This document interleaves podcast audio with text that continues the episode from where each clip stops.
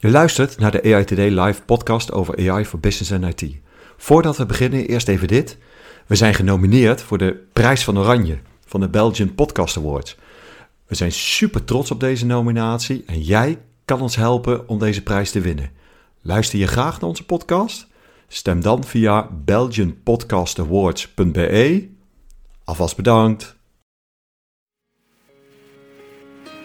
85% van de AI-projecten die faalt.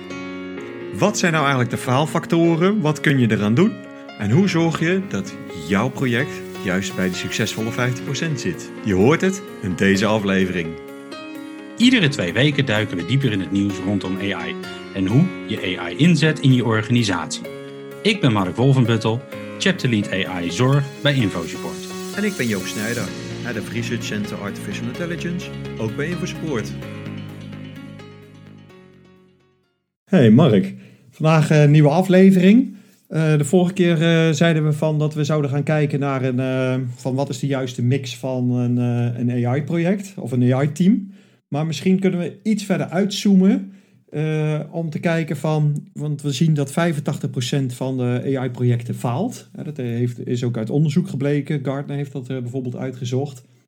Misschien is het aardig om te kijken van, ja, wat maakt het nou, behalve het team, nog meer waarom eventueel AI-projecten falen en hoe kan je er nou voor zorgen dat jouw project daar, daar dan niet bij hoort. Dus dat hij wel een succes krijgt. Lijkt je dat wat? Ja, lijkt me een goed idee Joop, want van 15% succes is uh, te laag. Dat moet omhoog. Uh, welke onderwerpen horen daar nou aan bod te komen? Nou, in ieder geval, weet je, er zijn, ik denk, vijf onderwerpen die we, die we kunnen behandelen. Uh, de eerste is, ja, je gaat, gaat kijken of een eh, project technisch haalbaar is. je gaat kijken of de scope wel goed is afgebakend. Meestal zien we ook dat er onduidelijke succescriteria aan het falen te grondslag liggen. we kunnen iets vertellen. Volgens mij heb jij ook een mooi voorbeeld over de horde nemen van van experiment naar productie. Ja, zeker. En, uh, nou, en wat ik dan aan zei, die, die juiste teamsamenstelling. Volgens mij kunnen wij daar ook wel wat over vertellen. Nou, goed idee. Kijk, technisch niet haalbaar. Wij zijn natuurlijk een technische club. Uh, proberen we daar ook zoveel mogelijk tips en tricks te geven. Maar wat, wat is daar dan waar, waar je het vaak fout ziet gaan, Joop? Nou, je moet je in ieder geval bedenken dat de, het onderwerp van AI, machine learning, zit echt nog wel in de researchhoek. Hè. Dus er, vindt veel research in plaats. Uh, dat betekent dat er een grote ontwikkeling plaatsvindt op dit vakgebied. Dus bijvoorbeeld iets wat twee jaar geleden nog niet kon, uh, waarbij de techniek gewoon nog niet zo ver was, kon nu wel. Uh, maar dat betekent ook dat als je nu zou starten met een project, dat je goed moet nadenken uh, kan het met de, met de huidige stand van de techniek. Dus wat je typisch doet, is dat je na gaat kijken van zijn er research papers, uh, is er wetenschappelijk onderzoek gedaan naar dit, eh, naar dit gebied, zit er misschien zelfs code bij de research papers, is de techniek die je wil gaan gebruiken misschien zelfs al in een clouddienst verwerkt. levert bijvoorbeeld Microsoft of Amazon of Google, leveren die dat bijvoorbeeld al in een clouddiensten. Dat helpt enorm.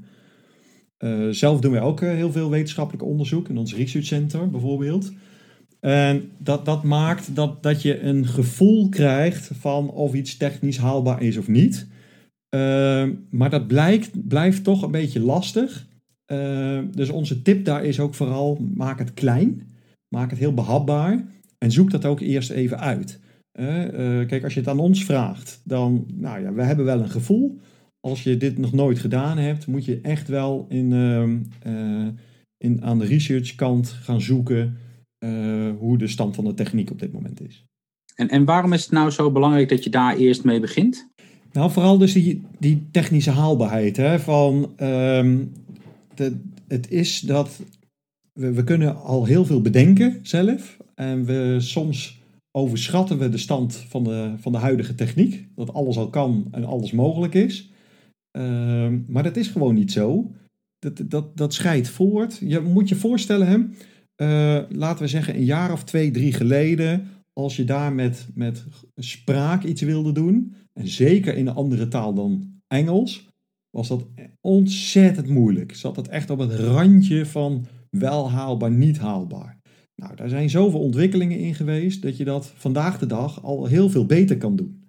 En dat zou in het Nederlands, als je met spraak aan de gang gaat, ehm, nou, dan heb je een grotere kans dat dat goed gaat dan twee jaar geleden.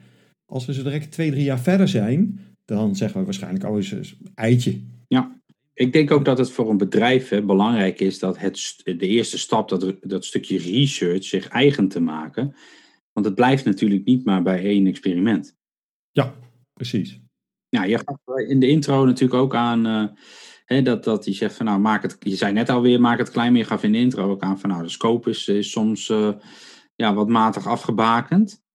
Uh, nou ja, die scope, dat, dat is iets wat we veel zien. Hè? Want, want onze geest is, kan natuurlijk van alles en nog wat bedenken. Wij maken het zo groot als dat, uh, dat het nodig is. Oh, van als dit kan, dan kan dit ook. En misschien dat ook wel.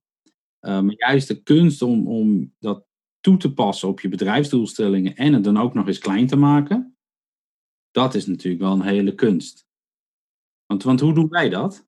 Nou, wat wij in ieder geval, we hebben een soort van vuistregel is van uh, we maken de scope zo klein en de hypothese uh, die we willen gaan bewijzen maken we zo klein dat je die binnen vijf dagen uh, moet hebben kunnen bewezen. Of in ieder geval ja, bewezen qua levensvatbaarheid.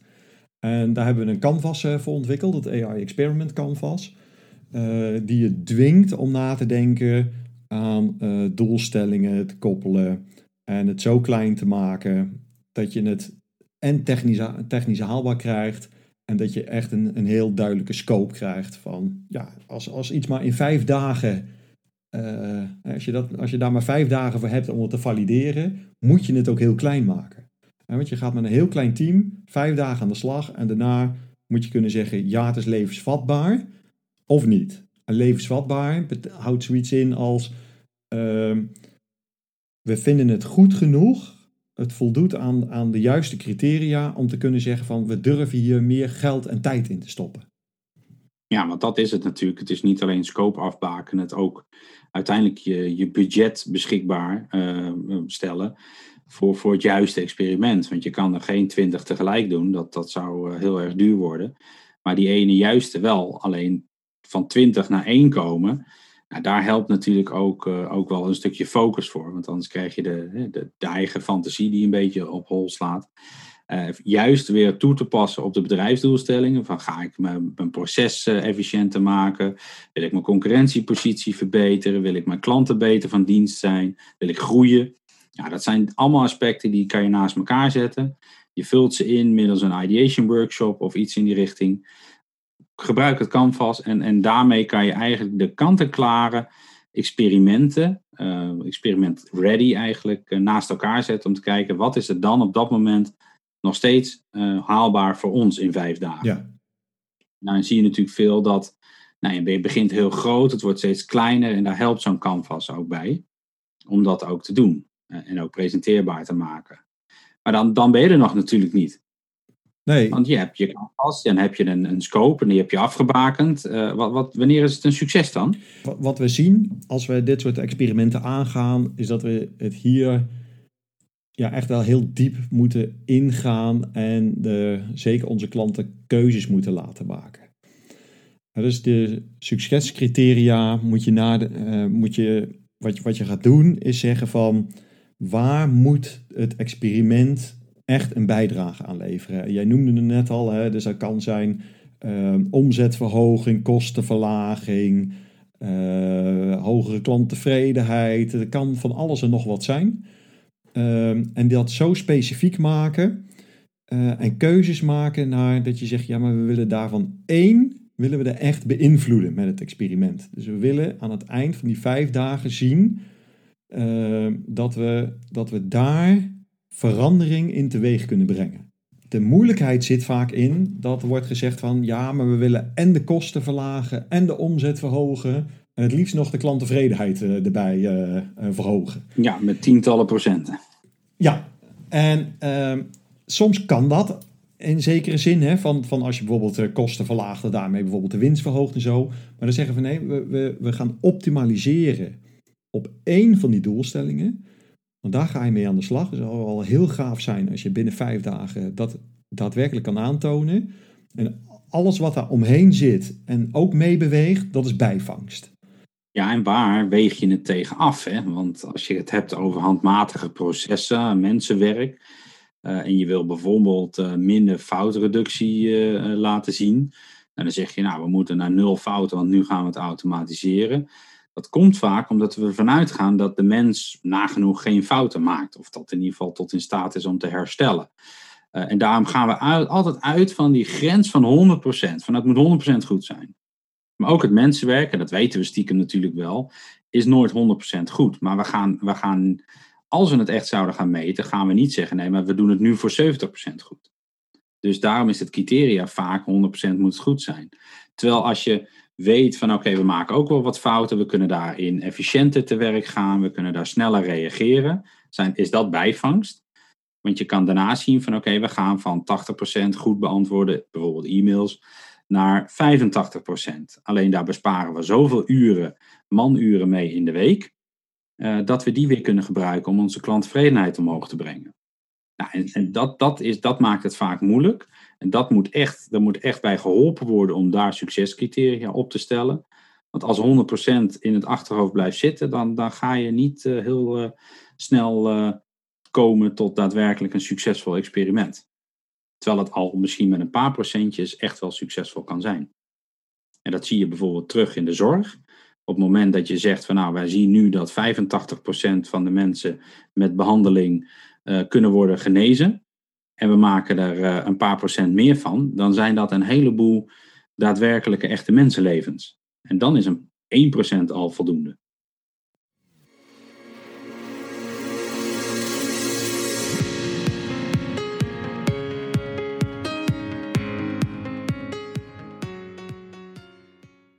Nou, we hebben nu uh, drie eigenlijk uh, van de vijf criteria gezien waarop uh, AI-projecten falen. Hè, dus technisch niet haalbaar, scope slecht afgebakend, onduidelijke succescriteria.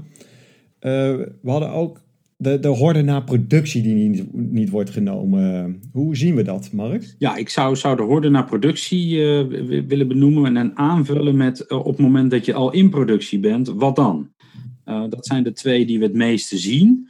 Uh, wat je veel ziet is dat op het moment dat je, je eigenlijk je, je lijstje klaar hebt met wat moet er gebeuren, nadat je hebt besloten met z'n allen van nou, een experiment is geslaagd, is succesvol. We gaan dat in productie proberen te brengen. We gaan het binnen de organisatie optuigen.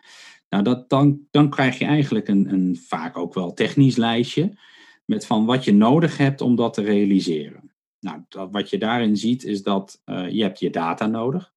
Je hebt je omgeving nodig. Dus je hebt ook daadwerkelijk de locatie nodig waar het model gaat draaien. Je hebt allerlei aspecten nodig en kennis nodig rondom softwareontwikkeling. Want hey, ja, je hebt toch iets wat naar productie gaat. Je moet iets vaker kunnen uitrollen. Je hebt verschillende versies.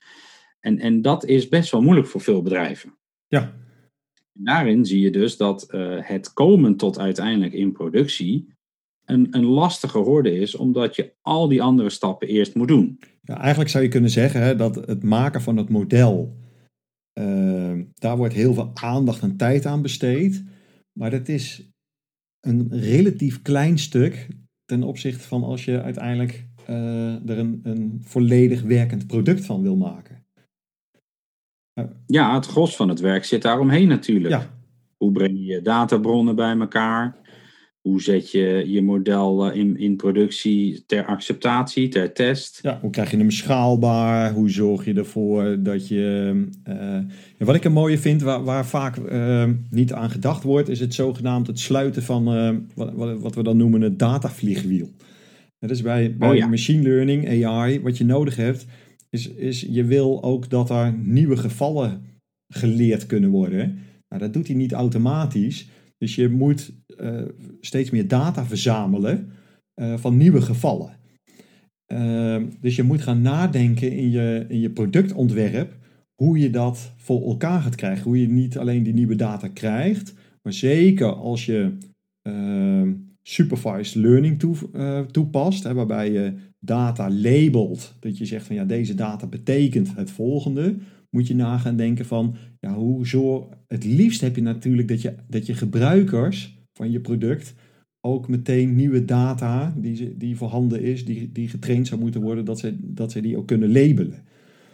Ja. En, uh, maar dat betekent wat, ook in je productontwikkeling. Dus je, er, is, ja, er zit inderdaad best heel veel uh, softwareontwikkeling omheen. Nou ja, de start is vaak makkelijk, hè? want je hebt, je, je hebt één databronnetje of een databron. Je hebt een stukje code en je hebt je model. Dat gaat allemaal nog prima. Dan kom je bij de volgende stap. Hè? Dat is wij noemen code, model, data. Dat is altijd iets wat, wat je constant moet herhalen. Die code ontwikkelt zich, het model ontwikkelt zich, maar de data breidt ook uit. Misschien wil je meerdere bronnen gaan toevoegen. Wil je meerdere versies van het model uitproberen. Ja, dat is typisch uh, engineerwerk, wat uh, heel vaak bij de bedrijven over het hoofd wordt gezien, of misschien waar kennis en, en uh, kunde echt aan ontbreekt binnen een organisatie dan komen we volgens mij bij de juiste teamsamenstelling. Ja, want, want, want wat je daar vooral ziet, hè, is dat, we, dat, dat modellen worden gemaakt door data scientists. Uh, maar daar zijn eigenlijk twee typen data scientists zijn, te onderscheiden. We hebben dat al eens een keer aangestipt in een, in eerdere aflevering van onze, van onze podcast. Nou, dus je hebt de type A van analist en het type B van bouwer, zou je ze eh, even zo nou ja, kunnen splitsen. En je hebt, die bouwers heb je wel nodig. Dus dat zijn data scientists die modellen kunnen maken, maar ook kunnen uitrollen, kunnen programmeren, zodanig dat je, de, dat je echt een, nou ja, een, een geëncapsuleerde software van kan maken die zo naar productie kan.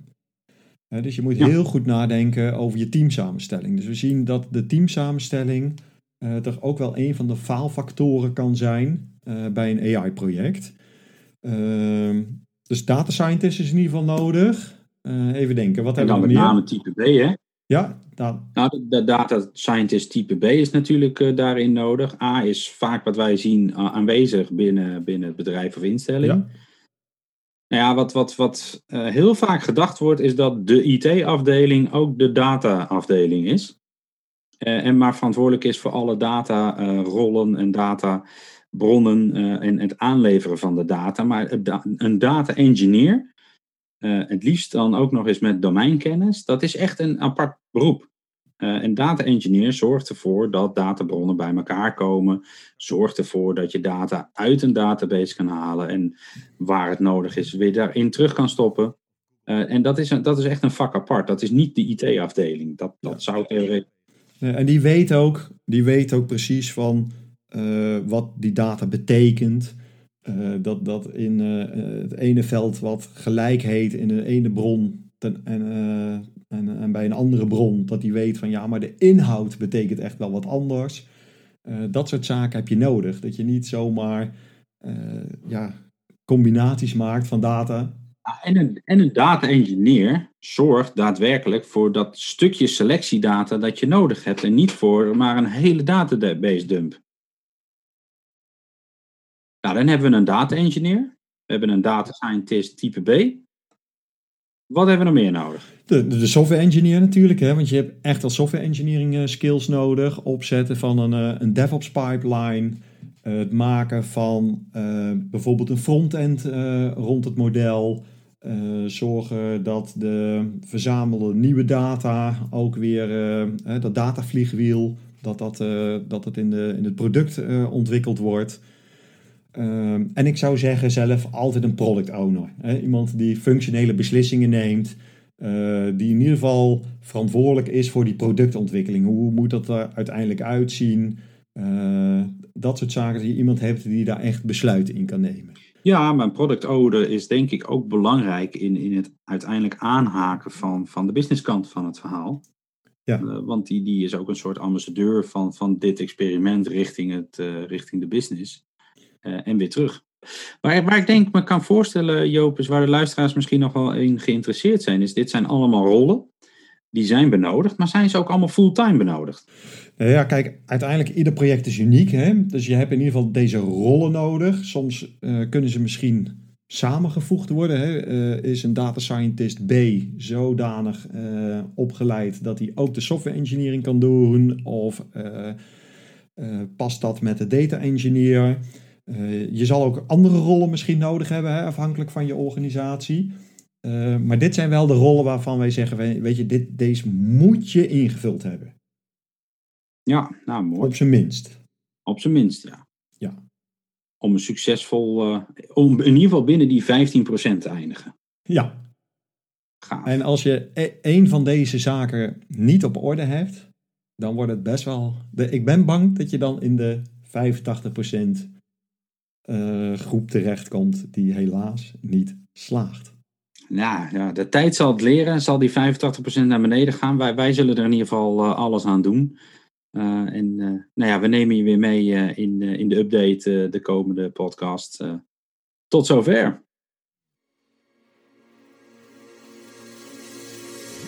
Bedankt voor het luisteren naar AI Today Live. Bezoek ook eens onze website aitoday.ai. Op deze website kan je je abonneren op onze podcast, maar ook op ons gratis e-magazine, waarin je artikelen leest over business en AI. De podcast is overigens te beluisteren op de Apple Podcast en Spotify. We zouden het tof vinden als je de podcast deelt met collega's.